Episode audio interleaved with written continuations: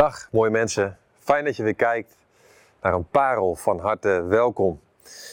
In deze parel wil ik voor een moment met je stilstaan bij een lied van David, Psalm 12. Het is nu een aantal weken geleden dat ik toe was aan die psalm en dat het mij echt raakte. En wat raakte mij dan zo? Nou, ik denk vooral de, de intensiteit waarmee David zijn nood klaagde bij de Heer. De intensiteit waarmee hij zijn hart ook helemaal voor God uitstortte. Echt op zijn Davids, om het zo maar eens te zeggen. Hij gaf zichzelf er helemaal in.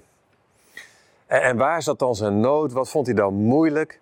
Nou, David die worstelde met de vraag: is er nog iemand trouw? Is er nog iemand oprecht? Is er nog iemand eerlijk? Is er nog iemand in mijn omgeving die ik op zijn blauwe ogen kan vertrouwen? David worstelt met die vraag. En hij, hij, hij uit zijn nood en zijn frustratie en zijn wanhoop zo'n beetje aan het adres van God. En ik wil met je gaan lezen, want ik stel nu de vraag van wie is er nog eerlijk, maar, maar David geeft eigenlijk zelf al het antwoord. Hij zegt nou eigenlijk niemand. Iedereen spreekt hier met dubbele tong. Ik zou niet meer weten op wie je kan bouwen. Het is best wel intens als je dat moet meemaken, als dat de gevoelsbeleving is voor jou op dat moment. En David, Psalm 12, die roept het uit tot de Heer. Dat ga ik met je lezen. Grijp in, Heer. Niemand is nog trouw. Geen mens spreekt nog waarheid. Ze beliegen elkaar allemaal. Vals en verraderlijk is hun woord. Heer, snijd hun valse tongen af. Snoer de monden vol grootspraak. Die zeggen met onze mond zijn we sterk. Onze tong helpt ons. Wie kan ons aan? Zwakken en armen zuchten onder het geweld. Om hen sta ik op, zegt de Heer. Ik breng de redding die zij verlangen. En dan komt het kantelpunt in de psalm. De woorden van de Heer zijn zuiver. Zuiver als zilver, gesmolten in de smeltkuil, gelouterd tot zevenmaal toe. Behoed hen, Heer. Bescherm hen steeds tegen dat volk. Overal sluipen verraders rond. En onder de mensen verbreidt zich het kwaad. Proef je de intensiteit waarmee David dit, dit lied bidt, dit lied zingt. Hij is vertwijfeld. Hij is zoekende. Hij is gefrustreerd. En we weten niet precies wanneer David het lied heeft geschreven, ook niet wat de precieze aanleiding is geweest of de precieze reden van schrijven. Maar uit het levensverhaal van David kunnen we zeker wel momenten opmaken die hier goed bij passen. En ik moest denken aan het moment uit 2 Samuel 15, de situatie met Simi. En wat was er aan de hand? Nou, David die, die vluchtte met een groepje vertrouwelingen weg uit Jeruzalem. In verband met de samenzwering die gaande was onder leiding van Absalom. Hij wilde David, zijn vader, van de troon stoten en zelf de macht grijpen. En David kiest er dan voor om met een groepje vertrouwelingen Jeruzalem te verlaten. En terwijl het aan het doen is, komt daar opeens een zekere Simi. En dat was nog iemand uit de familie van Saul. En die gaat fors tekeer tegen David. En als Psalm 12 dan bezinkt hè, over mensen die, die een valse en verraderlijke tong hebben. Nou, moet je maar meeluisteren naar die Simi. 2 Samuel 16 vanaf vers 5b. Eh, hoe hij daar tekeer gaat. Simi. Vloekend en tierend komt hij aanlopen. En hoewel David door zijn lijfwacht van heldhaftige soldaten was omringd, bekogelde Simi koning David en zijn gevolg met stenen. Hij vloekte en schreeuwde: Maak dat je wegkomt, moordenaar, stuk ongeluk.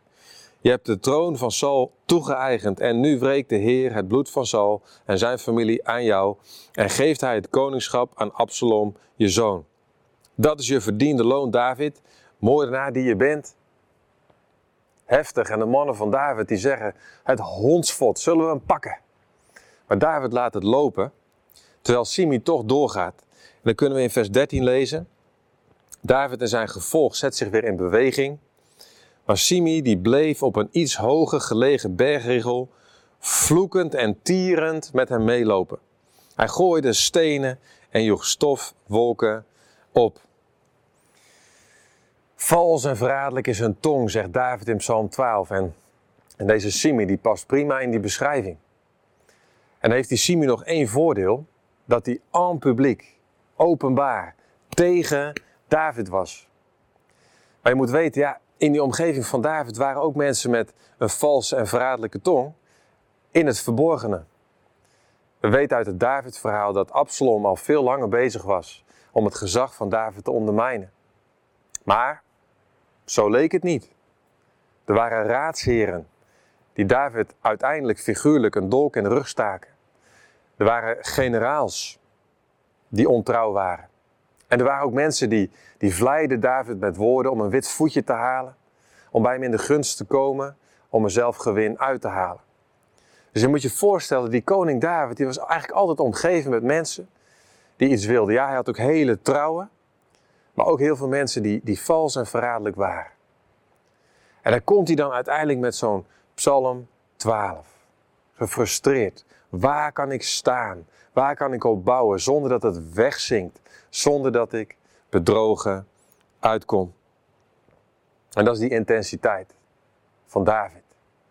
En toen ik dat zo een paar weken geleden las en bad, ja, toen, toen kwam het echt wel binnen vanwege ja, dat hart van David wat zich weer vol geeft aan de Heer. Maar ook wel vanwege actualiteit. Ik vond, ik vond het zo bijzonder dat, dat David 3000 jaar eerder eigenlijk stem geeft aan een soort collectief gevoel wat ik hier en daar ook wel bespeur. Vandaag de dag. Wie is nog trouw? Wie moet ik nog geloven? Waar kan ik op staan zonder dat het omvalt? Wie, wie, wie is nog oprecht eigenlijk? En dat maakt eigenlijk helemaal niet uit hoe je alles wat gebeurt duidt. Eh, het is gewoon collectief. Een collectief gevoel van waar kunnen we nog op staan als mensheid zonder dat het omvalt. Het is allemaal wankelig en wiebelig geworden. En ergens, als mensheid, kunnen we niemand de schuld geven. We hebben alleen maar in de spiegel te kijken, want we hebben onszelf als mensheid daar gemanoeuvreerd tot die plek dat we hier nu zijn. De verzuchting, dat woord. De verzuchting. Waar kunnen we op staan zonder dat het omvalt? Wat is nog echt? Maar er zit ook een kantelpunt in, in Psalm 12. En dat is dan het moment wat, wat zo schitterend omschreven is, dat de Heer zegt om hen. Om degene die hieronder gebukt gaan, om hen zal ik opstaan. En dan gaat het over de woorden van de Heer die zuiver zijn als zilver. Gesmolten in de smeltkuil, gelouterd tot zevenmaal toe. En ik vind het contrast zo fantastisch. De leugen, het bedriegen, vals en verraderlijk en dan staat daar het woord van de Heer. Super zuiver. Tot zevenmaal toe gelouterd. En zeven is het getal van de volheid.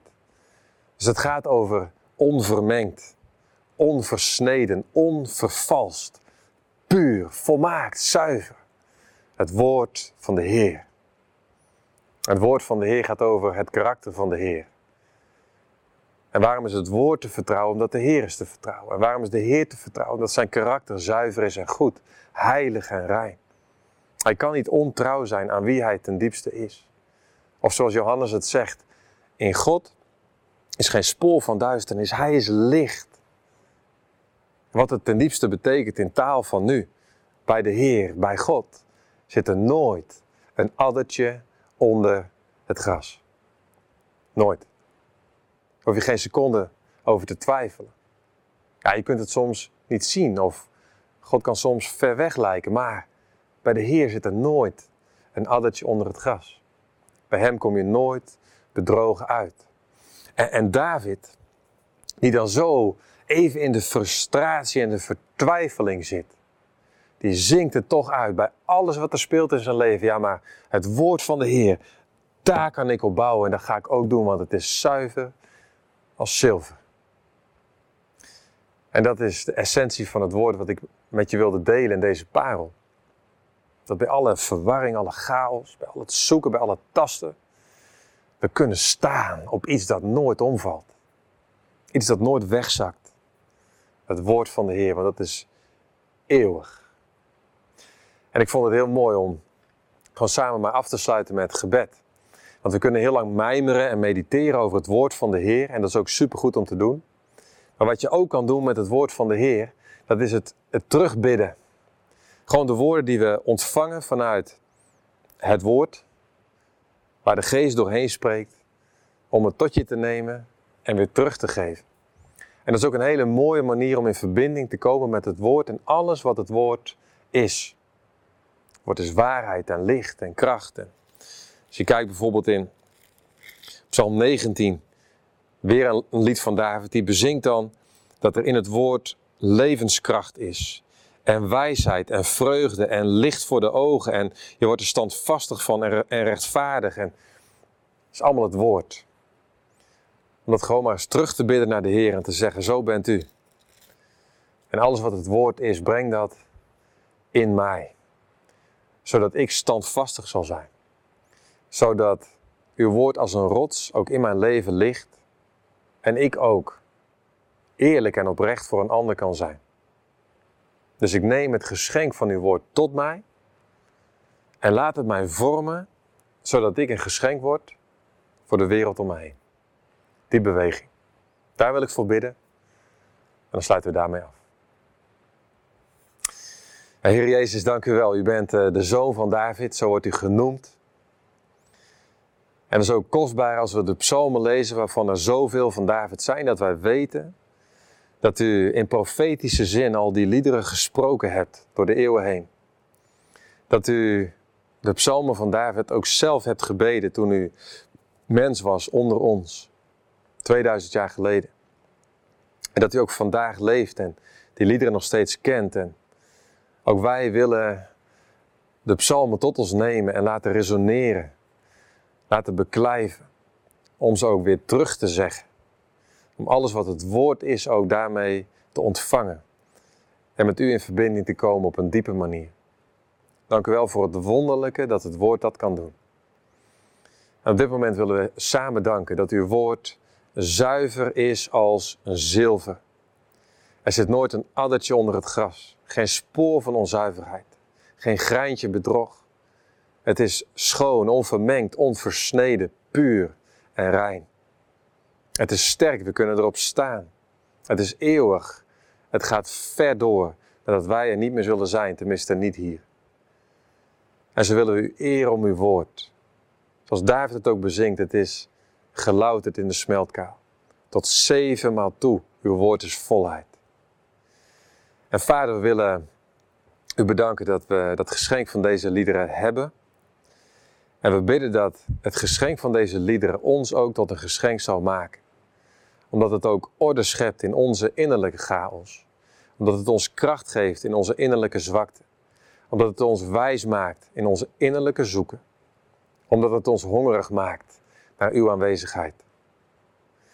En vader, net als David, die toen zo gefrustreerd was. Dan kunnen we ook om ons heen soms zo dat wankelige en wiebelige voelen. Wat is nog waar? Wat is oprecht? Waar kan ik op bouwen? Maar dan sluiten we af om te zeggen dat we dankbaar zijn dat u van eeuwigheid af God bent.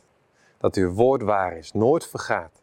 Dat we daarop kunnen staan. En zo wil ik je zegenen voor deze dag. In Jezus' naam, die het levende woord is.